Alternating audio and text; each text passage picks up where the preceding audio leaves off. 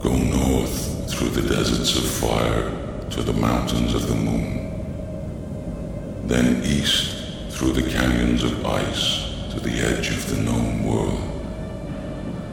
There you will find what you are looking for. Ragnar Rock.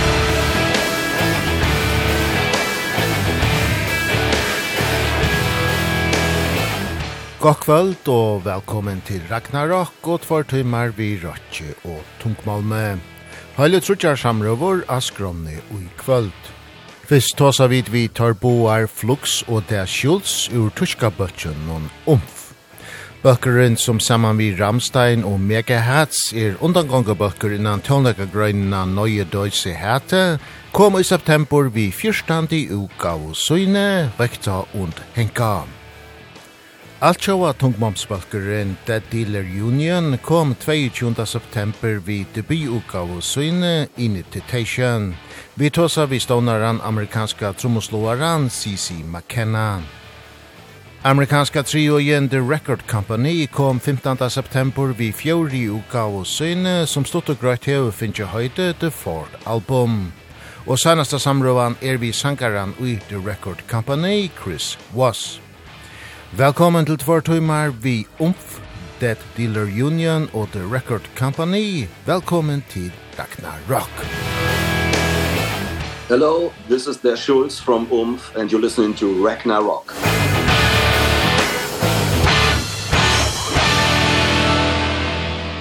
Tuskjebøkeren Umf kom 8. september vi fyrstandi utgav og søyne, rekta und henka.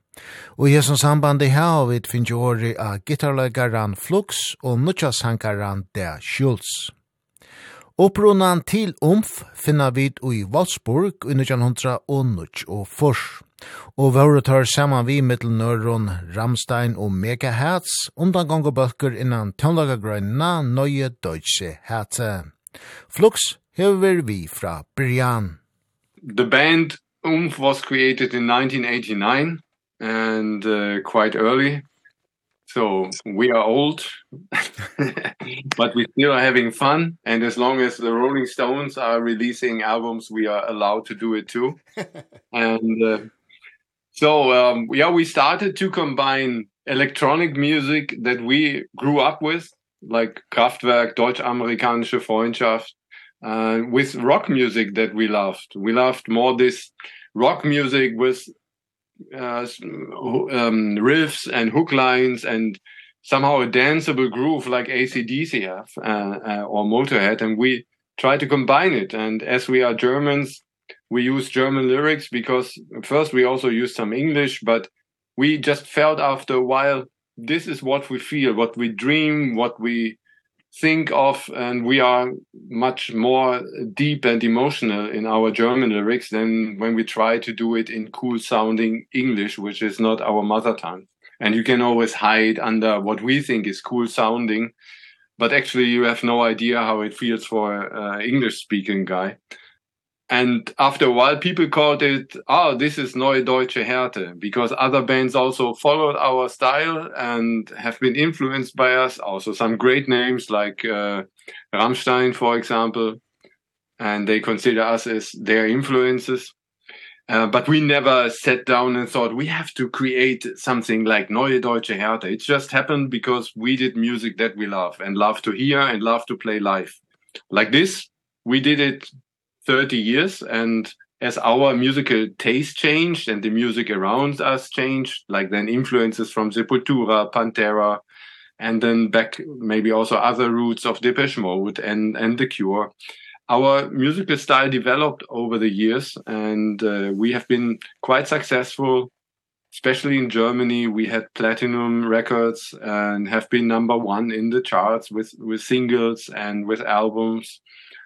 So and we did touring European wide uh, we we played also a lot in east uh, in the east uh, in Russia in Belarus in Ukraine.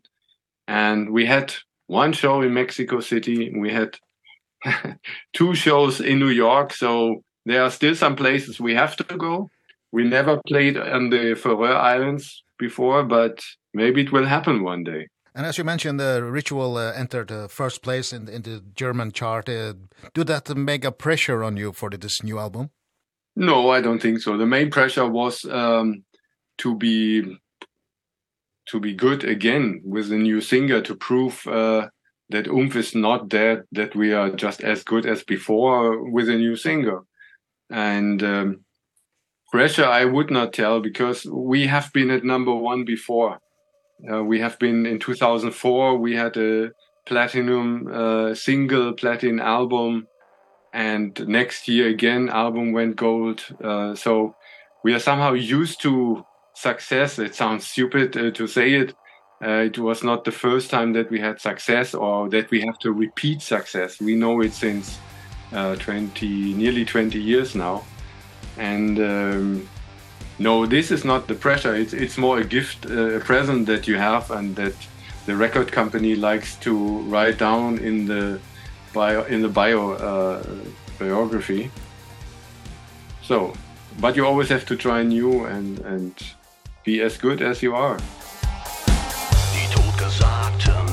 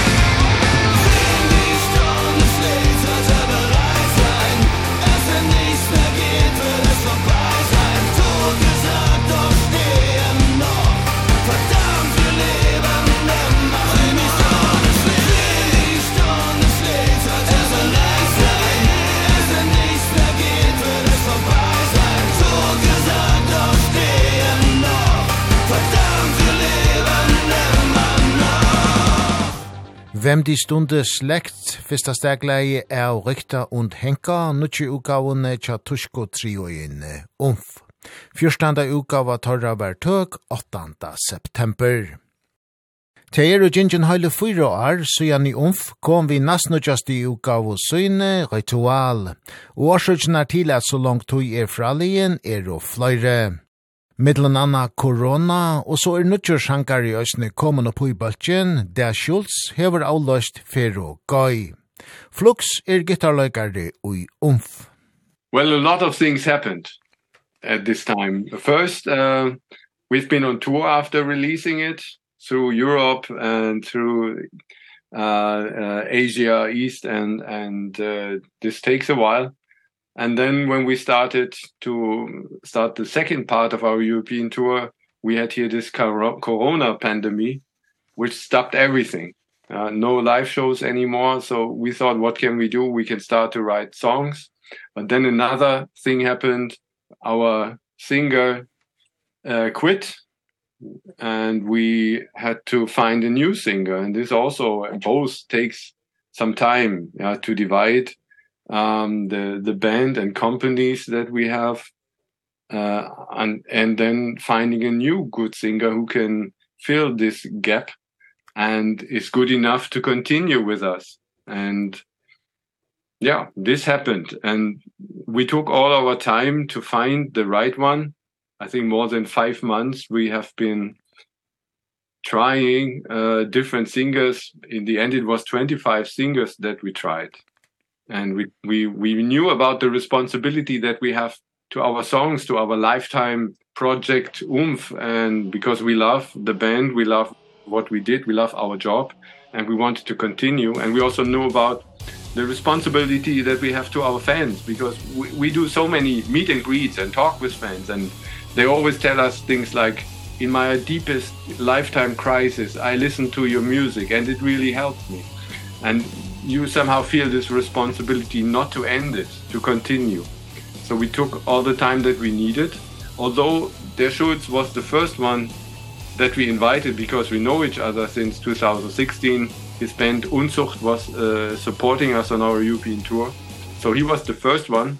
But then we had other active signings, uh, signing ins uh, to be our new singer and we also tried him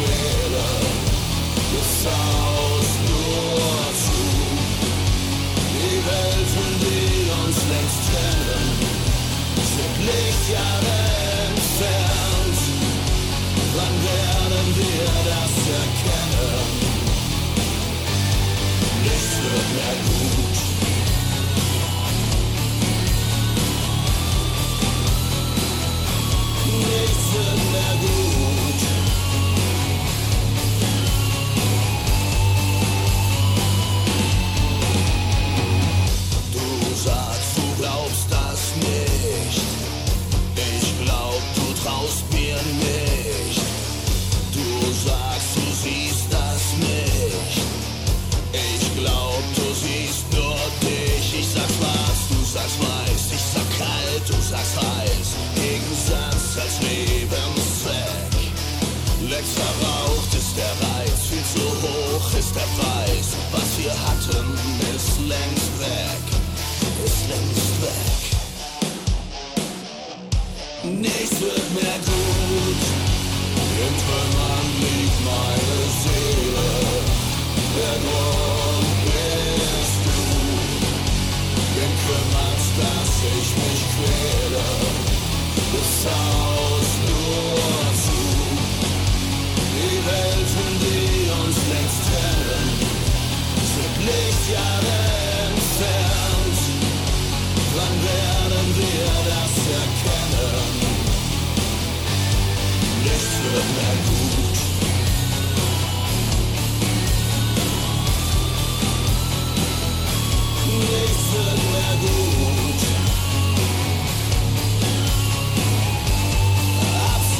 Nichts, nichts mehr gut.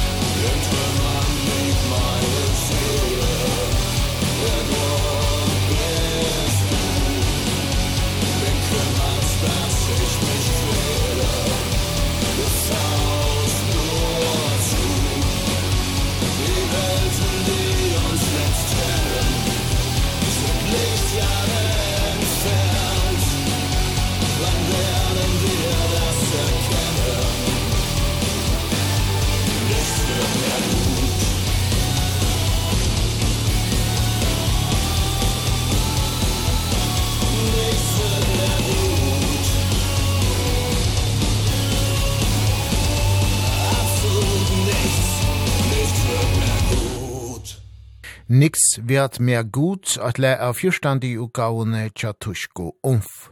Rekta und Henka var utgiven 8. september. Hetta er fyrsta utgavan sangarin Der Schulz loteger av, og han var sjåvande tidsen av Bøle ta Torri Umf sette seg i samband vi han. It was a big surprise, yeah, they, uh, they uh, called me up And on the phone they said uh, they asked me could you imagine to do a side project with us. And I could imagine and uh, uh, went by car from Hanover to Braunschweig was 100 100 kilometers not that far. And then they said me uh, sit down please. It's not about a side project. Could you imagine to be the new singer of Umf and uh, this was uh, yeah a, sh a really shocking moment but in a positive way. And uh, I could imagine. And yeah and well, we started and so we started to yeah test each other uh try to write so writing songs together what uh, was immediately great. It was uh, a great magic in the first day when we tried to write song uh, songs together. It was very organic. We had about for five or six uh, songs. We already had uh, melody lines in in this first day and parts of the lyrics which are right now exactly the same on on the album this was great. It felt never felt strange or anything. It was really natural from right from the beginning and a good and a good feeling. So and i of course i uh, sang uh, a few of the old songs like augen auf träumst du und das weiße licht. And i love these songs for many years when i doing dj jobs. I always play a lot of umf songs and uh, sing along. because I love them that much. And so, yeah, I'm really looking forward to the shows, to the European tour yeah. we're playing in November to sing the new and the old songs. Yeah. And what did uh, the Schultz have that you were looking for? Flux. As he said, we looked for someone who is able to transport the feel and all singing styles that we need for the old songs because we still of course want to play them live. It's not that we will only play the new songs, it will this will not work and and he was able to do it. And and we saw in 2016 when he supported our European tour with his band that he is a great frontman. And it was somehow visible easy for him to work with our fans to get love from them and attention which is not normal for a support band. Usually sometimes fans just walk to the merchandise booth or or have a beer and the support band yeah what the fuck i want to see the main act. And uh, but it was not like this. And so since then he's back in our mind and we remembered this of course. And he has a very diverse uh, singing style. He offers a lot of different singing styles and um, he can reach very high very low and his timbre baritone is uh, baritone is somehow similar to Dero but he also has has his own style. And um, when we work with a singer in the studio we always try to find out together what is the best singing style for this verse or for this chorus. And then we try a lot like yeah sing like more like this or maybe or more like opera or maybe without vibrato. And and Daniel can immediately offer this. And this is great. So we can work like we worked in the past. And and uh, maybe even more. And um, this this was great. Yeah and this was what we looking what we looked for. And of course the how we function from human side with each other. We have to like each other. We you spend so many hours together. Uh, so it, it has to function and not be just a job. He has to have the same passion for the project, yeah, for the band. Ich hab den Hass gesehen.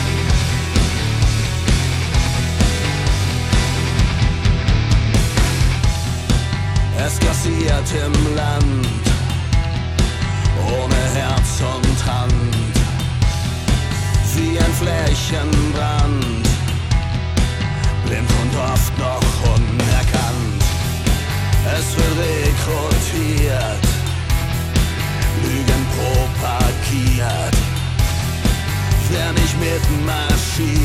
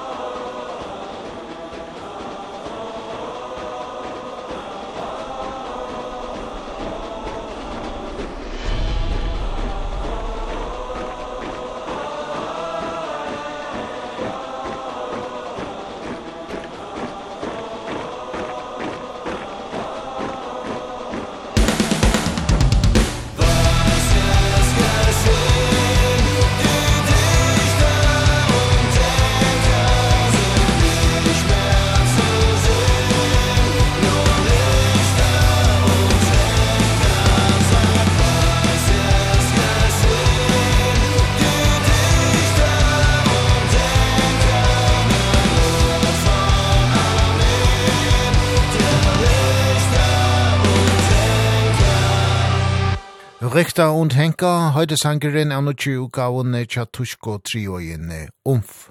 Fyrstande utgava torra var tøk 8. september. Hauast der Schulz er nutscher i Balchanon, så hever han haft en tøyande løyglot i leskrivingsene av Richter und Henker. And uh, the Schulz, uh, you became uh, a natural part of the writing process also. Yes, yes. Um, Flux and Crab already had uh, a lot of songs um they're writing every day on songs. And uh, it was uh, but many uh, and we developed them together the melody lines and the lyrics. So that was my main part. And of course uh, working a little bit on on the arrangement too. But the main part for me was uh, to work with them together for the melody lines and the lyrics. And if we come to the lyrics are there a theme or, or a concept? No it's uh, uh, uh I, I think um this uh, it's happened so many things in these last years uh in the world and around the band. And, and so we had so many uh topics uh what what are um yeah was heißt wichtig? Important important for us uh, to to tell the story uh, about the, what what happens during the uh, covid pandemic with the people in the social media with this head spread uh, spreading uh, they yeah they they fight each other. It's not a, about a discussion anymore. There's so ma many hate in in the in the social medias. Uh, a war came up uh, so near. We of course we have uh, since ever there was a wars in in the world but this right now is very it's a different thing. It's around the corner in a european country. And of course this this impressions was so so hard and tough and so intensive uh, and so it was no problem to find topics to to write yeah to write lyrics but it was no conception we we wrote about what uh yeah what was in our our mind and was what was important for us or frightening too And Flux, you have been around for uh, for 30 years now. Is it that easy for you to write music now uh, than 30 years ago, or is it getting difficult for every album? I think it's getting easier because you you get more skills. You you are more um aware of how to move from one part to the other or uh, what will function what not. We are all not educated musicians who have a i don't know a classical background or something. We are more autodidactic uh, uh working. So for us it's always the field we never have borders uh, to use this chord after this chord which maybe educated guy has for and would tell us but no this is not working. For us it's just when we feel it and like it then we can do it. So there is no no uh, borders for us in writing. And um, yeah but no it it depends also on your emotional mood of the time. Sometimes when you are just happy uh, then you don't feel like you would write a song. But when you are really down you would like maybe to uh, find help in writing a song about it. So it, it changes. Um, Wo kommt das Atmen her? Ein aus Tonnen schwer. Ein Fremder steht vor mir, mein Spiegelbild gefriert. Ich hab mich rausgetraut, Narben auf der Haut. Entstellt und abgebrannt mit Scherben in der Hand. Niemand mehr da, wie kann das sein? So tief verletzt und so allein. Der letzte Akt in meinem Turm aus Elfenbein und meine Zeit verrinnt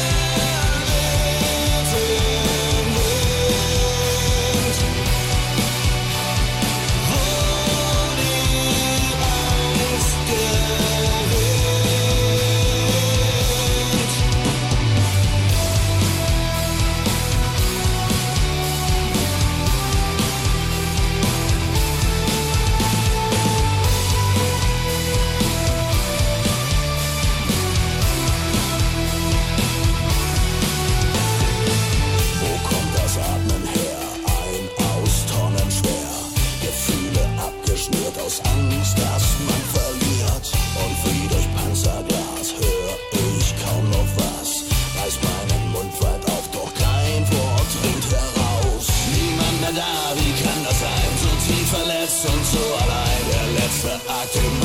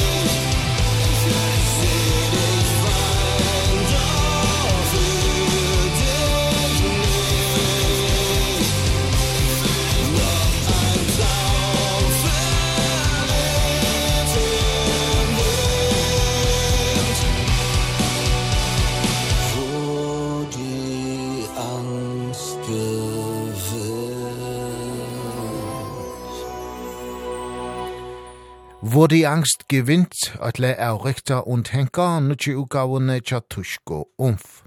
Fjørstanda studie utgava torra versenda marsnaien, 8. september. Ta vi spyrja stånaran av umf, gitarlegaran flux, om han høyre nekra mona nutje utgavene og tøymon undanfar nå, heldur han av moneren er løytel, men heratrum ute verer bygd oppa.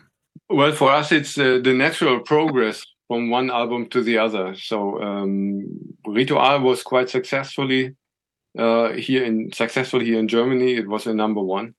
So uh, there is not a need to make a complete change. We already have one change with this uh, our new singer.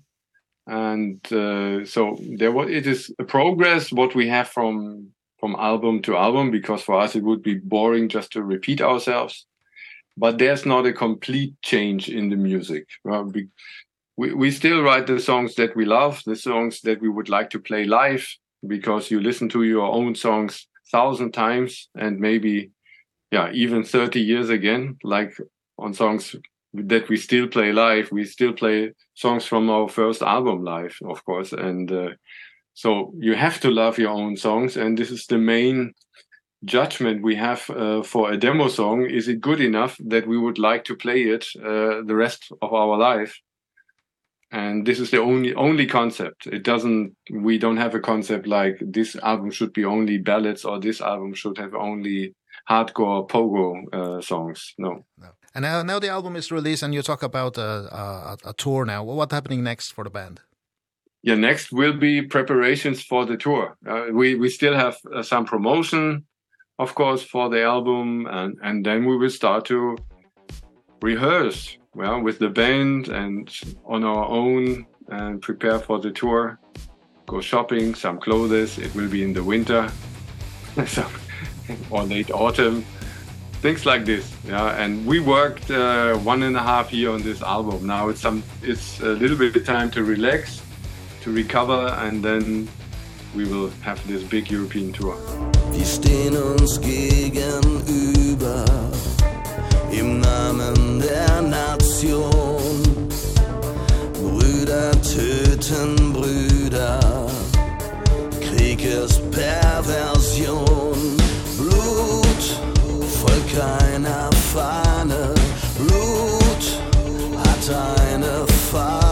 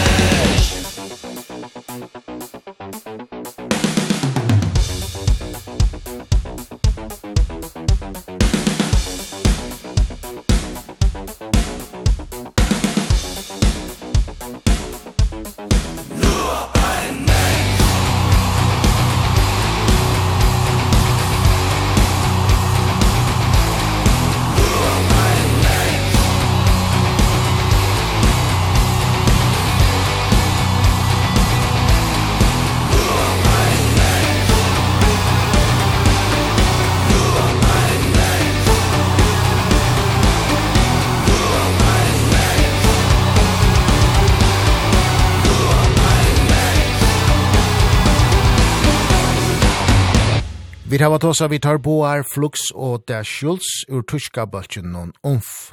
Flux, som var vitla stona umf i 1994, tog og knudjøk noen søvna, og Der Schulz, som er nudjøsankare, grøtte fra gos det var ble av parster av en av undangagbølken noen, innan særlig og tysk og grøyna nøye deutsche hete. Vi prata av oss om rekta und henka, nudjø utgavna tja umf. Vi spalte eisne flere lø avis fyrstande i utgaven tja bøltjen noen ur Wolfsburg, og nå til senast har du vid no eine mensch.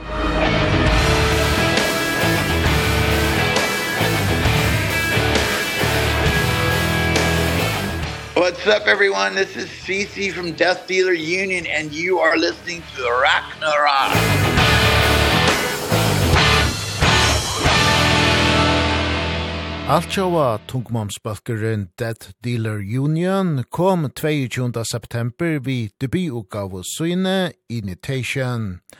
Og i hessens sambandi i her vi finnje åri av stånaren, amerikanska trommeslåaren C.C. McKenna. Manningen ui Death Dealer Union er omframt og da kvinnan ui Infected Rain, moldoviska Elena Kataraka, amerikansko gitarlagarner Doug Wayant og Hunter Havrock, og tromoslovaren Johnny Hines. Vi skulle fyra år atri togina for jeg finna upprunan til Death Dealer Union, og ta var CC McKenna som fikk hoskåte. I'd been um, uh, a professional drummer here in the LA for 30 years. Uh, so I had quite a background. Um I I decided to kind of get back in the game, I guess a little bit, if you will. Um so around 2019, I wanted uh to specifically form a band. So we I I connected with started, you know, auditioning guitar players and then uh Doug um our lead guitar player now came in very early and then he and I kind of built the band from there um and we started auditioning uh vocalists and weren't getting anywhere. And we are also looking uh for producers. At the same time uh we talked to a few producers here American producers some well-known producers. I decided to go with this uh a European producer Valentin Valuta uh something about his sound his approach. I thought a lot of the music that he had done with some of his side projects were very interesting. It seemed like he had a very um uh smart intuitive sense of the music. so it paid off going with him in my in my opinion. Um and uh, at the same time he introduced us to Lena. You know, originally we had sent him some tracks and I wasn't sure what he was going to think and he's like, "Oh yeah, I really, you know, this sounds good." Um and I said, "Well, here's what we were trying to do." You know, it was pretty much instant um kind of connection with Lena and Valentino and I and I think we kind of all hit it off and and felt a, a connection kind of a little bit deeper than what you know we were doing in, in the immediate music situation. Uh, we kept going and uh, just one thing led to another. Kind of this is where we're at now. Yeah.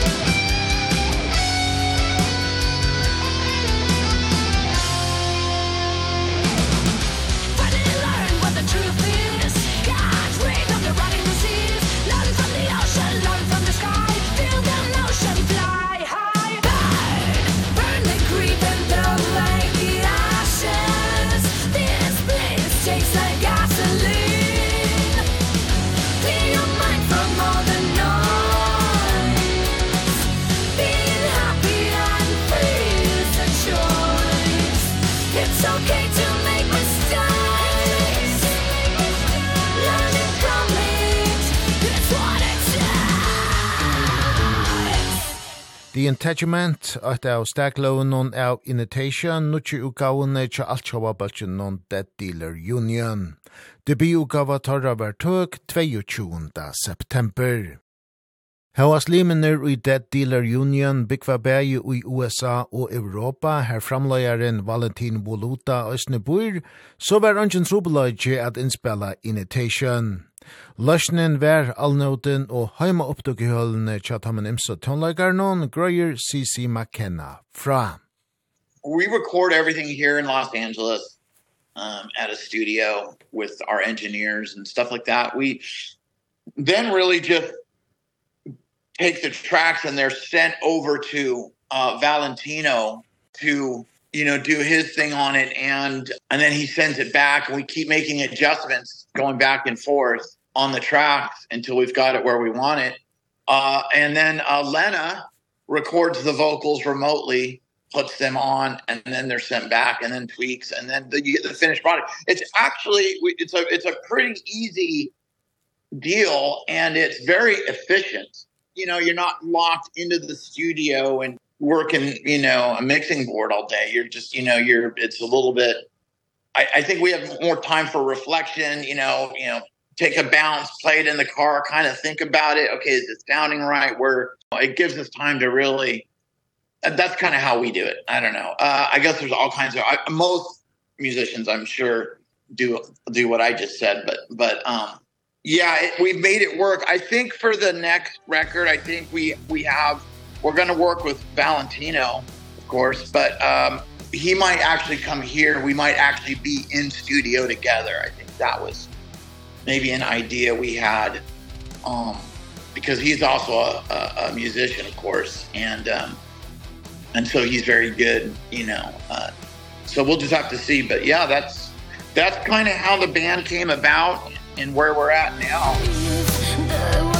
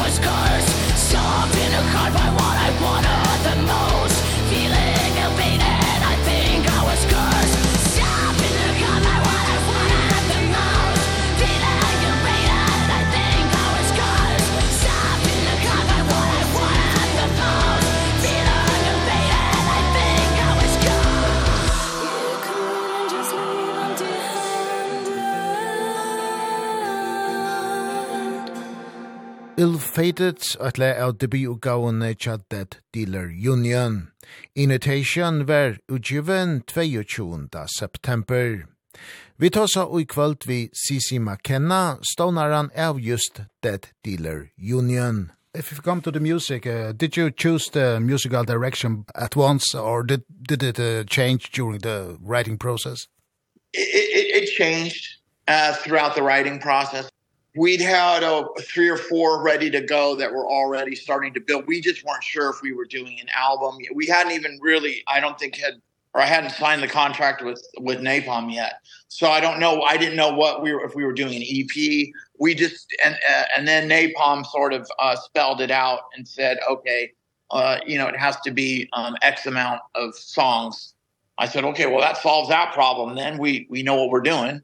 So that's what we did. We commenced to write you know, um, another seven, six or seven songs. I think about half the record was already done. And so we wrote another six or seven songs and, and keeping in mind what we had already written, of course, you know, we wanted it to make sense. But uh, it, it all came out really well. And, and I, I was really surprised, actually.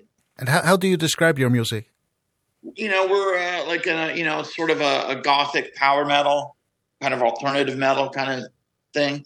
I mean, we have different influences, right? You know, our our power metal and and, and straight ahead kind of stuff comes from the the LA aspect of the band and then the European and the more intricate stuff come from our European, you know, uh aspect and and then we bring in a whole different style of vocals with Lena. So, it's there's really no one out there that's sounding like us. I've already figured that out and uh but the problem is that I don't know what the say us is where we sound like Death Dealer Union is what the what one interview told me. That, yeah. You know? Touch the with your bare feet. Let the truth sing like sandy. Let it fly.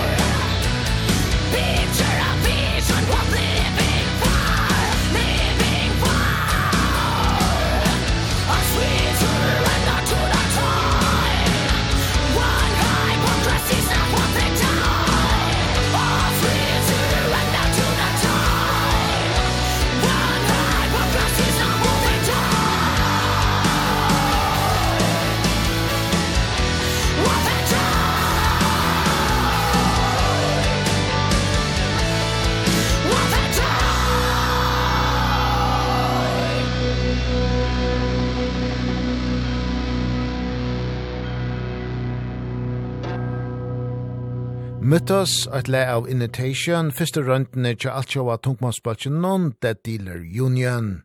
En utgave av måla ikke være at åkna sær 22. september. Teier Lena Kataraka som hever skriva atlar tekstnar, og det var ikke alltid at Sisi McKenna skilte hva tekstnar vore om. Uh, Lena writes all the lyrics, and she names all the songs she sends me the names and I go, okay, cool. I have, sometimes I don't even know what they mean, but, uh, I look, I, I looked, I do the research and then sometimes I have to get the pronunciation right. She teased me, you know, about a couple of the songs cause I couldn't pronounce them correctly. Yeah. Can't even pronounce your own songs. Eitt er a skriva tonleik, eitt annet er a finna eit navn til Bölkjen. Og ta vera eisni eit hodj, er navnet Dead Dealer Union kom under land, stafester Sisi McKenna. I was looking around for names and I just kind of was sitting here in, in this exact house where I'm at now, right over there, kind of meditating and thinking about names. And this was way back in 2019 or 2020 or something you know, I had, you know, I was thinking about, oh, okay, we're going to be, you know, something about a union, something about a union, something, a, a workers union, a light worker union, just to know, needs to be darker, you know, like something. So I was like, you know, I've always really liked the underworld movies, Kate and, and, and, uh, and Kate Beckinsale and, and, and Serena and her whole, that whole character. And, the, and she was a death dealer. She was a vampire assassin. So I thought, you know, we're, I very much like the Gothic and the whole, you know, I'm a big, big Gothic uh, fan. And uh, I think that's where my connection with, with, with sort of Eastern Europe and that tra uh, Romanian, uh, Transylvanian sort of aspect of that element of our music um, comes from. But, you know, I was thinking about it and I said, well, let's, um, I said, yeah, Death Dealer Union. That sounds fucking cool and I was like, you know, um and then I went to go apply the trademark and and and do all that and, and get everything kind of ready and that was when my attorney told me, "Hey, there's a band out there called Death Dealer." And and then I was like, "Okay." Then I had to start making a, like all of a sudden everything became very pragmatic for the lack of a better word that you know all of a sudden okay now I have a business vision you know do I run with this name? And okay what other names are there? You know it just that's when the whole and I said look I you know I'm going to um I he his trademark had, had, I didn't even know they existed. And and he copied another band uh out of Kentucky or something like that and they were called Death Dealer. And there was another band out of Canada or something like that that had the band Death Dealer. And then there's then there's a band called Death Dealers, and then there I've come to find out there's a Death Dealer Anonymous, who's a rap artist. So I don't know, you know, it is sort of hard, uh, you know, that will kind of always be a thing with me if I ever if I pick the right name.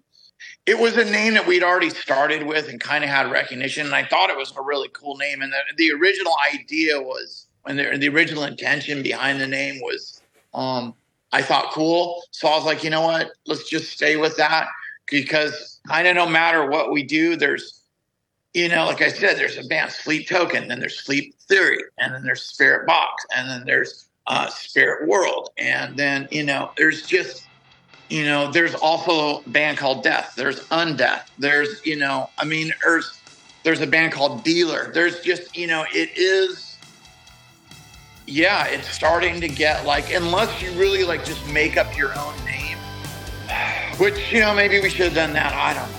Maybe we'll do that for the next record. We'll just change our name into somebody different. it's a great name. It's a great name.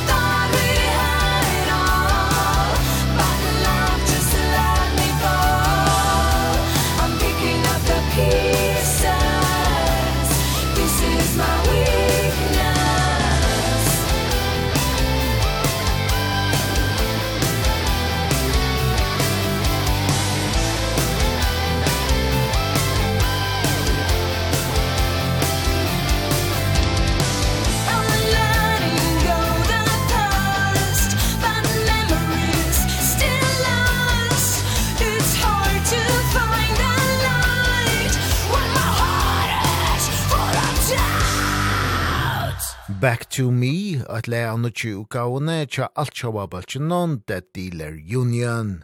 Debututgava Torra initation ver utgiven 22. september. Stendet her opp til stånaren C.C. McKenna, så er Dead Dealer Union ikkje bært en studioversk atlan. Atlanen er òsne affæra konsertfer, og fyrrøkjengarna til anna kommande i utgavo er òsne brjavar. I think the plan is to do some uh some regional shows around um where we are in Los Angeles and in Las Vegas. Um and then I think in May we're going to be doing some other shows. I'm just not sure how that's what that's looking like yet or shaping up, but that's kind of the plan. And then yeah, I think a I think a second record is definitely going to um happen or at least I'm going to make one. If the other guys join in, I guess then it'll be a Death Dealer Union record. If not, it'll, be it'll be a CC record. But yeah, that's the plan. And um yeah, I think you know I'm really looking forward to things, you know. I mean, we we're a really new band, you know. So I know things are going to take some time to, you know, get going and and people just haven't, you know, uh had a lot of ex uh, experience or familiarity with us yet. I, I I'm con I like our music. I hope they the fans do as well and and we're just happy to be able to bring this to everyone. We're, we're we really appreciate all the support and the fans. everybody has been so great. And Napalm Records is a, is a, is a great uh, record company, so they will... Yeah, they're very, they're extremely supportive, and they really allow artists to be themselves. They expect you to be you know professional of course but they don't try to micromanage the sound or any of that stuff it's very it's great you know, really, really, really good, good company. And they understand this music. And have the experience. experience. Absolutely. So, and, and Lennon was already on the label. So just, I, that's why you know, kind of chose Napalm, you know, because it was just going to be a lot easier, I thought, to work with them, trying to sort out label to label stuff.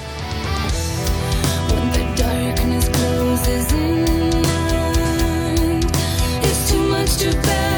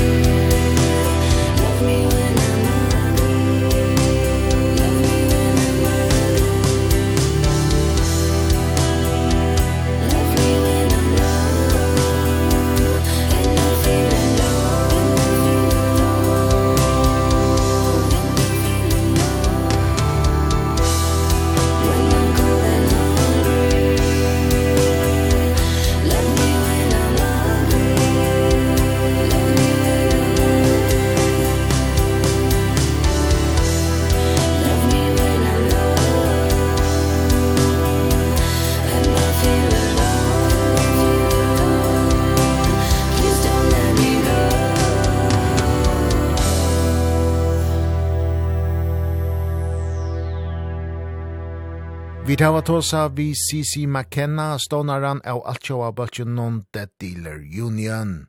Vi pratar vi om debutgav og tørra, Invitation som var utgiven 22. september. Vi spalte oss flere lø av oss i första tja The Dealer Union og nu til søgnast hørte vi Low Me When I'm Ugly.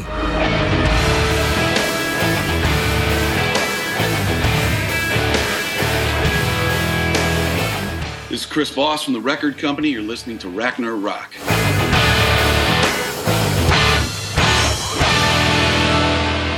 Amerikanska trioen The Record Company kom 15. september vi fjóri uka og søyne, som stort og grøtt hev finnje høyde The Fort album. Og i hesson sambandi hev vi finnje åri av sankaran Chris Voss. Bulker and the Record Company er hans best kjentor fyrir debututgave sinna Give It Back to You, som i 2016 var i oppskåte som besta contemporary blues utgavan, ta Grammy-hørslønnar var tilnæmt der fyrir 2016. Men så var han tja The Record Company byrjar langko i 2012, ta Chris Voss avgjorde a flyta til Los Angeles fyrir a finna tonleika. Et noen Yeah, uh we formed in 2012 in Los Angeles, California. Uh I grew up in the middle of the United States on a small farm, a dairy farm uh, uh that my dad still runs. Um uh we uh, my ancestry goes back to the 1840s in the middle of the United States uh and so we've been farming there ever since. I moved to Los Angeles because I wanted to be a musician and being on a farm is nowhere to get on the radio or play rock and roll. So um that's that. I met Alex and Mark in Los Angeles. We started recording right away. We got our first album. We got signed about 4 years later uh to a record label and that first album had some some radio hits on it and then we got nominated for a Grammy.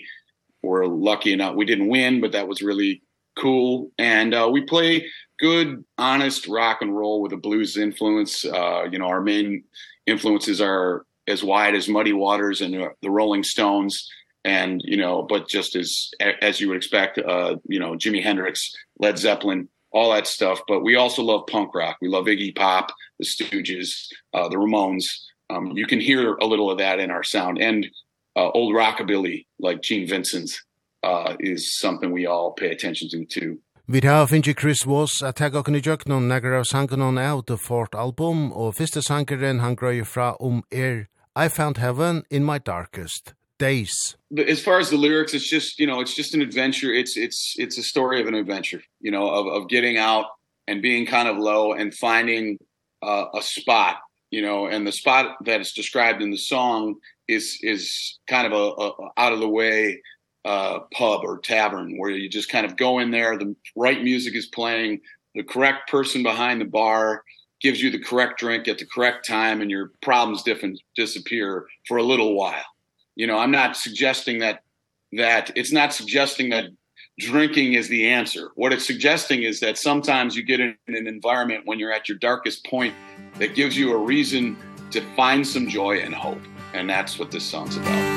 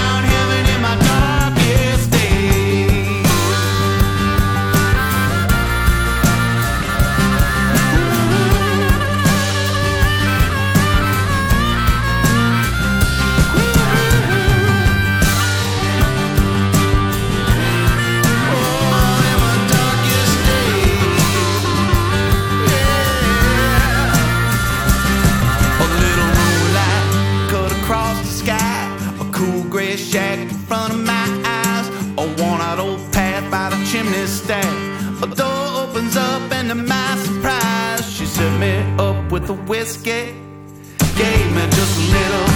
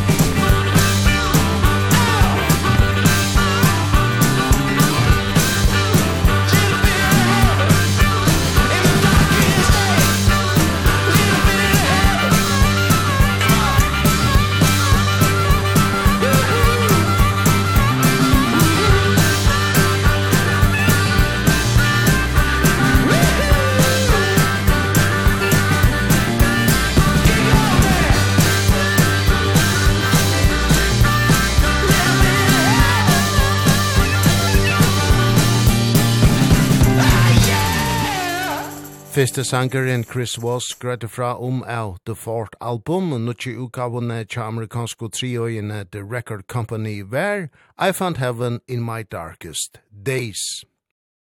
Nas nukkaste utgavan til The Record Company, Play Loud, var utgiven i 2021 til koronafarsøtten herja jeg.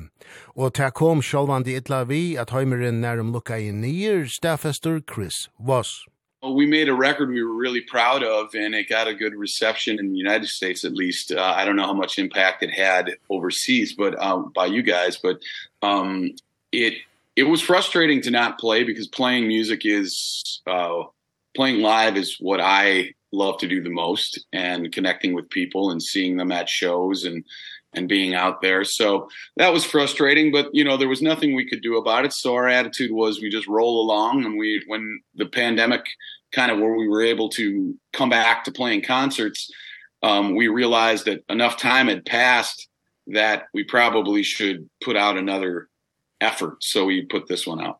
Etter at Play Loud var utgiven, stakk Osemja seg opp i middelen The Record Company og platefellegi Concord, og sappmalen partana middelen var oppsagtor. Ein trubel tui, men tar ui The Record Company gau ikkje opp, tverstur i møte struttest tøyr enn Moira, greier Chris was fra.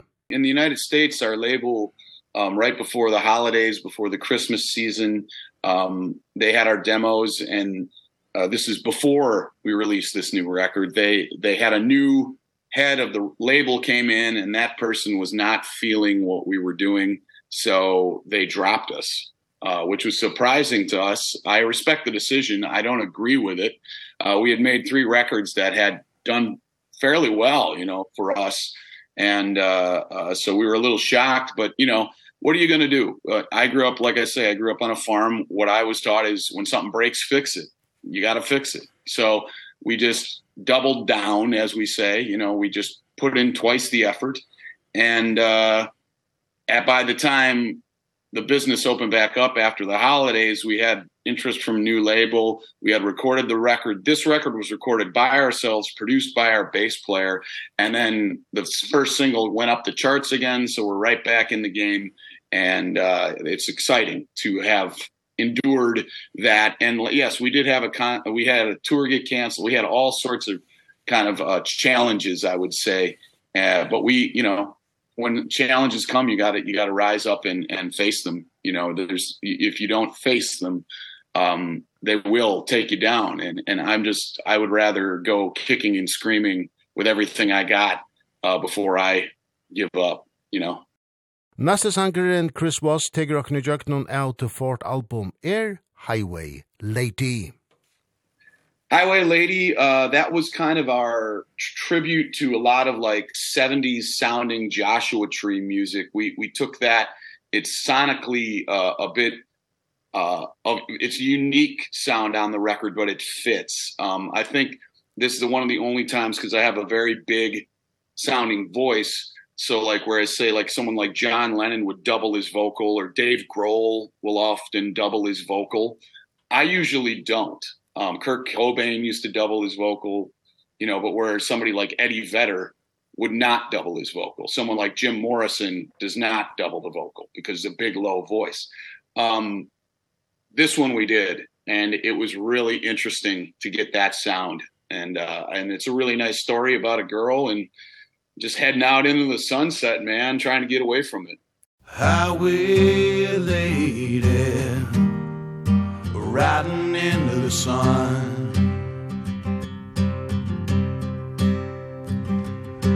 Highway lady Riding into the sun. Da-da-dum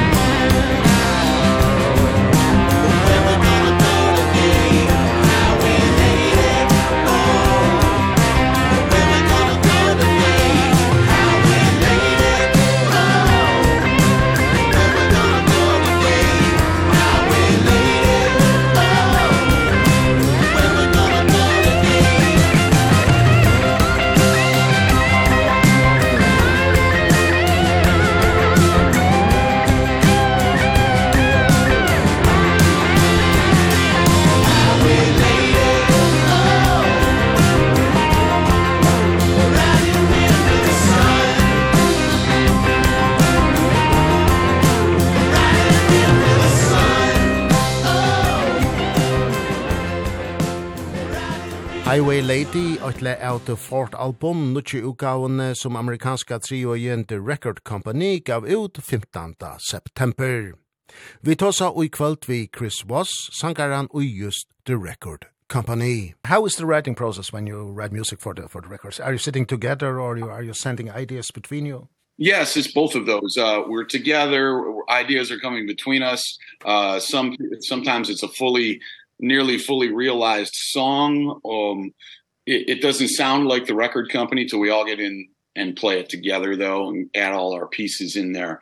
But uh the process is it, it, we keep it simple as we like we keep our sound. It's like if something is inspiring us we explore it. If something isn't we move on you know it it or we revi we put it in over in the corner and revisit it later. The biggest thing is to make sure that you know you're making a piece of music that you can really believe in stand behind because there're going to be people who like it there're going to be people who don't like it no matter what you do. So you as long as you can stand this is my perspective as my artist as an artist as long as the band can stand behind the album and go we love this we did this this is who we are this is where we were when we made it then everything else just happens from there. Yeah. And what is inspiring you when you when you write music? Living. I mean, uh, just being in life, uh, being engaged in life, um, uh, the, the, you know, we've all been through challenges, uh, personally, and then we've all gone through this huge global collective challenge lately. And it's like, um, just the engagement of life. And, and sometimes it's just wanting to tell a story that's relatable to something you've experienced. Sometimes it's very personal you know us to to us like the song dance on mondays is very personal. The song roll with it is very personal all of them are personal. Um we tend to be more of a talking about expressing what we feel and what we want to put out than say like you know like a david bowie who writes this great you know story about a man going to, to outer space. That's not our music you know that's that's not what we do. We we talk you know our roots I'm from people who who work in the dirt, who who are are uh honest, hardworking people who make, you know, not a lot of money, but the money they make, they make it and they earn it. And uh, I think that's reflected in the music. Um you know that's and so when i moved to la i brought all of that feeling with me because los angeles is a very big big city as you know it's very commercially big city so finding your place here uh you need to, the only way to find your place for a guy like me is to be yourself and believe in it. I ain't never given up.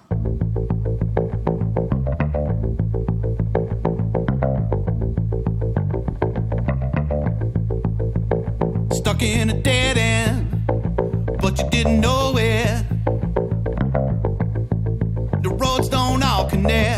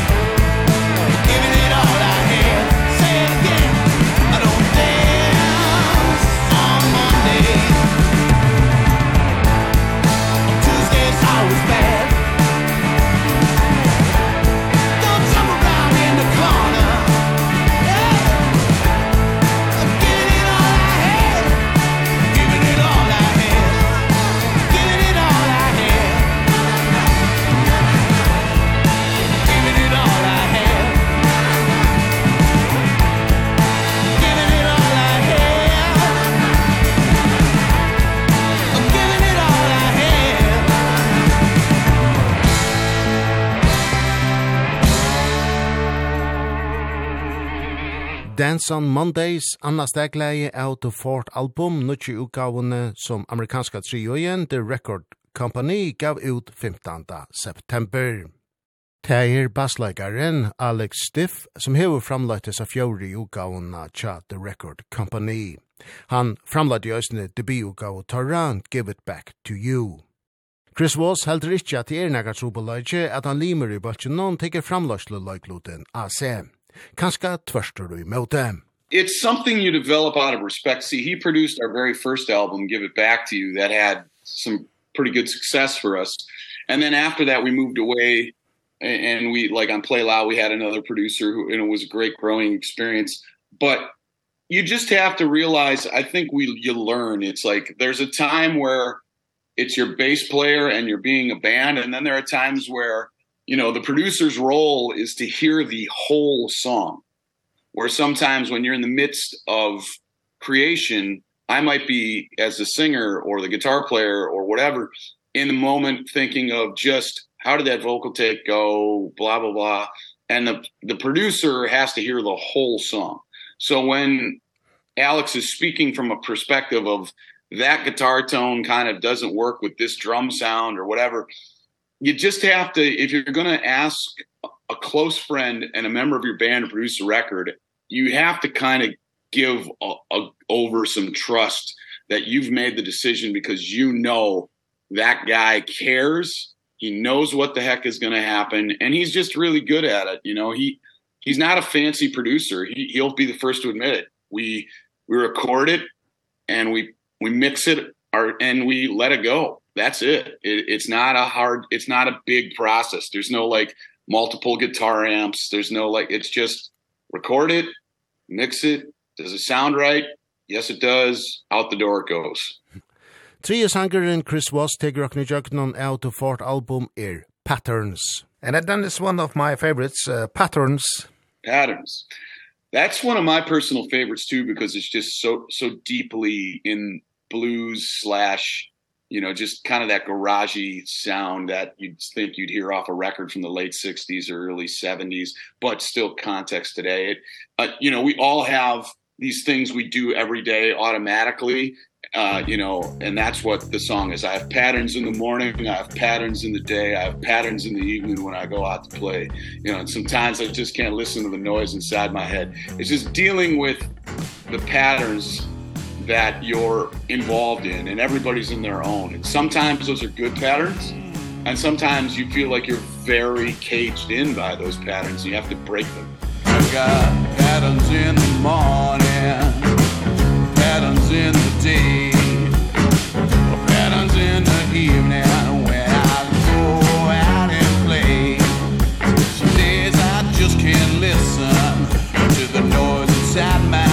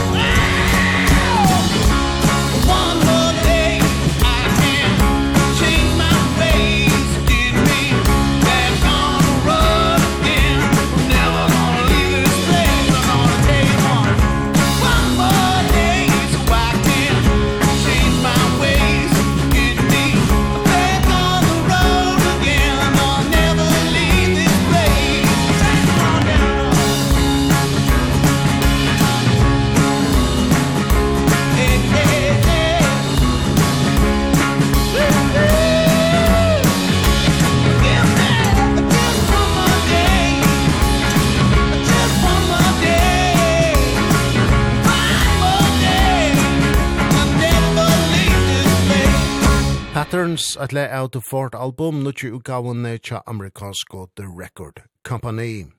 Ta vi spyrja Chris Voss hver måneren er heise i fjori utgavene tja triøyene ur Los Angeles og Tamon Trimen undanfarno, så heldur han at henda nutje utgavan nutjes mest debututgave Torran, Give It Back to You fra 2016.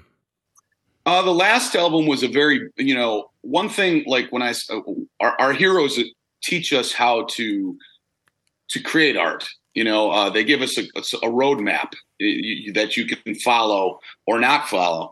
And like we look at a band like say like look at the Rolling Stones you know um and you look at their early records you know like 12 by 5 etc flowers etc um And then you listen to their later records like Goat's Head Soup or Let It Bleed or any of that stuff. They're the Sticky Fingers. There's an evolution in the sound, but the core of the band stays the same. So for us, the first record was very raw down the middle. The second record was a little more polished, a little bigger sound. And then the third record, Play Loud, we went in with a producer and we really went for like a bigger rock sound. We wanted to see what that felt like. We spent more money than we ever had before. Uh probably wasn't good timing on that because the pandemic hit and then we went broke. But uh and then after doing that, now we've gone back to the raw like kind of center and you bring all the lessons of those records with you. So what we learned on the Big Rock record doesn't mean it's not reflected on this record.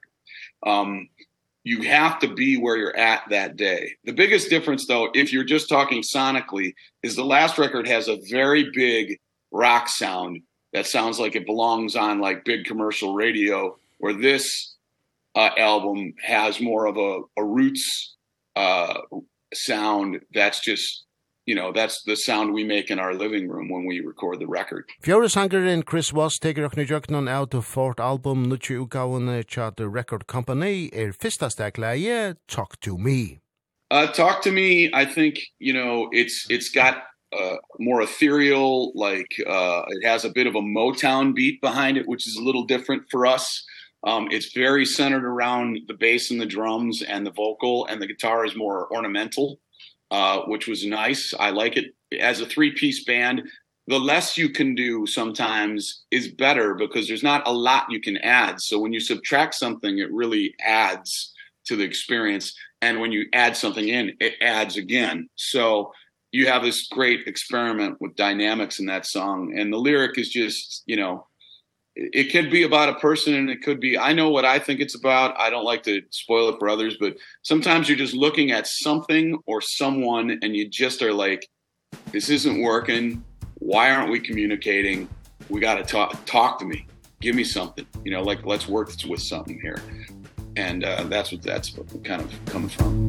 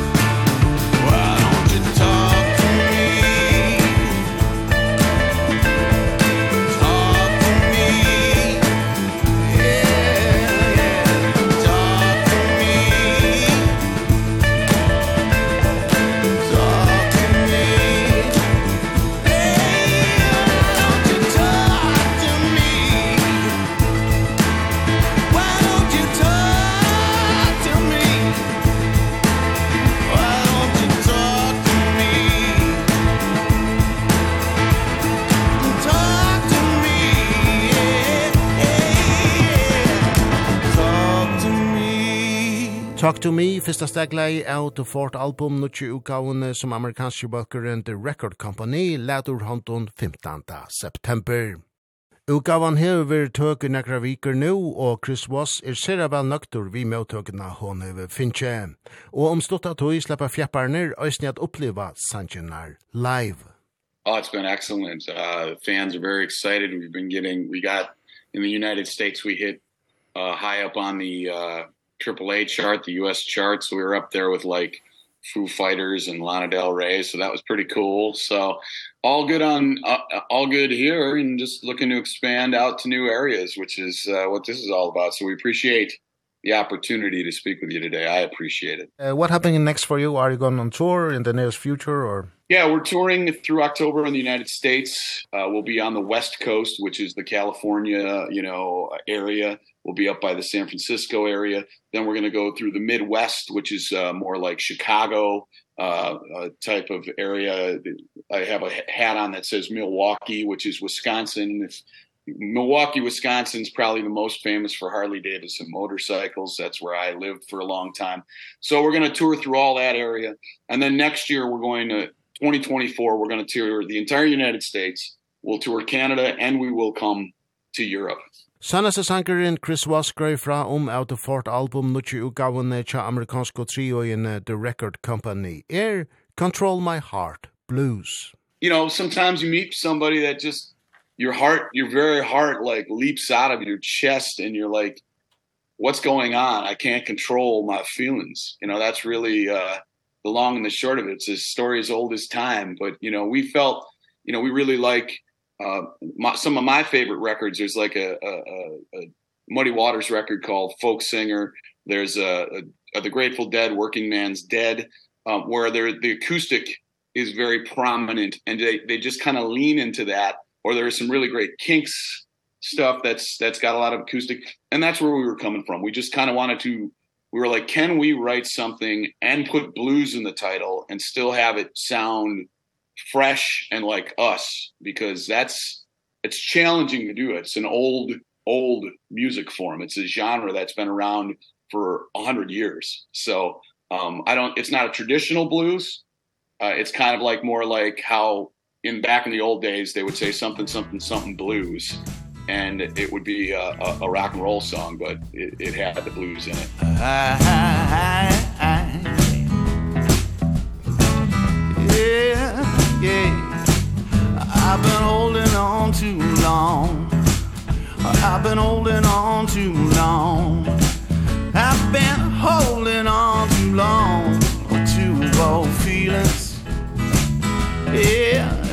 been burning me up inside. You've been burning me up inside. Having you so close I'm moving slow. When the nights are long The nights are free You sing a song You sing to me. You lift me up You take me high. And when I was down You came to the fire. I control oh, what my heart does my heart does. I, I, I can't control. Oh, what my heart does my heart does.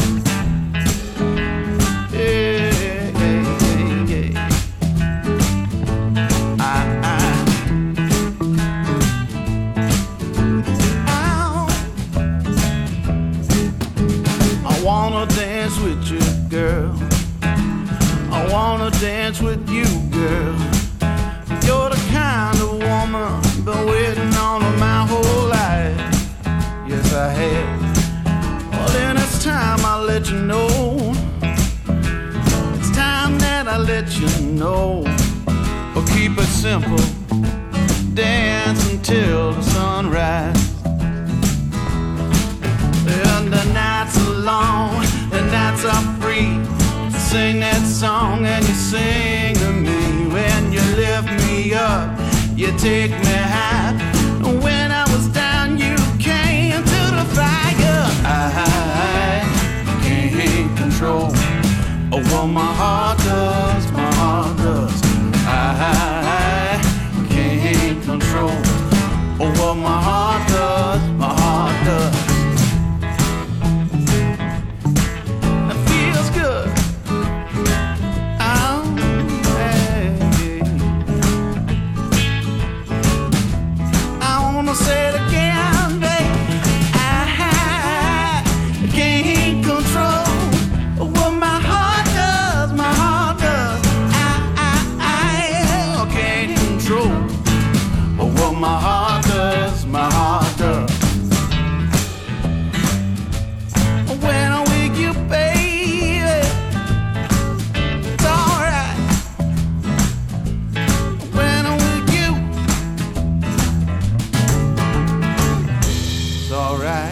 Vi tar tosa vi Chris Voss, åttamannen og i amerikansk og triogjene The Record Company. Vi tosa av om nutje uka av torra The Fort Album som var utgiven 15. september. Chris Voss gradjøs ni okkom fra fem av sankanon, og nu til seinast tog han okkom i jøknon Control My Heart Blues. Om du hever onkra vi mersing, etla vil vita møyr om sendingsina, er møyleitje a ferina Facebook-bultjen tja Ragnarok. Her finner du playlistar og anna tilfær. Møveleiki er eisen at høyre hesa og undanfarnar sendingar av heimasøy okkara kvf.fo framskak Ragnarok. Ragnarok er atras grunni om eina viko vi samrøvun og nudjon. Tønleikje!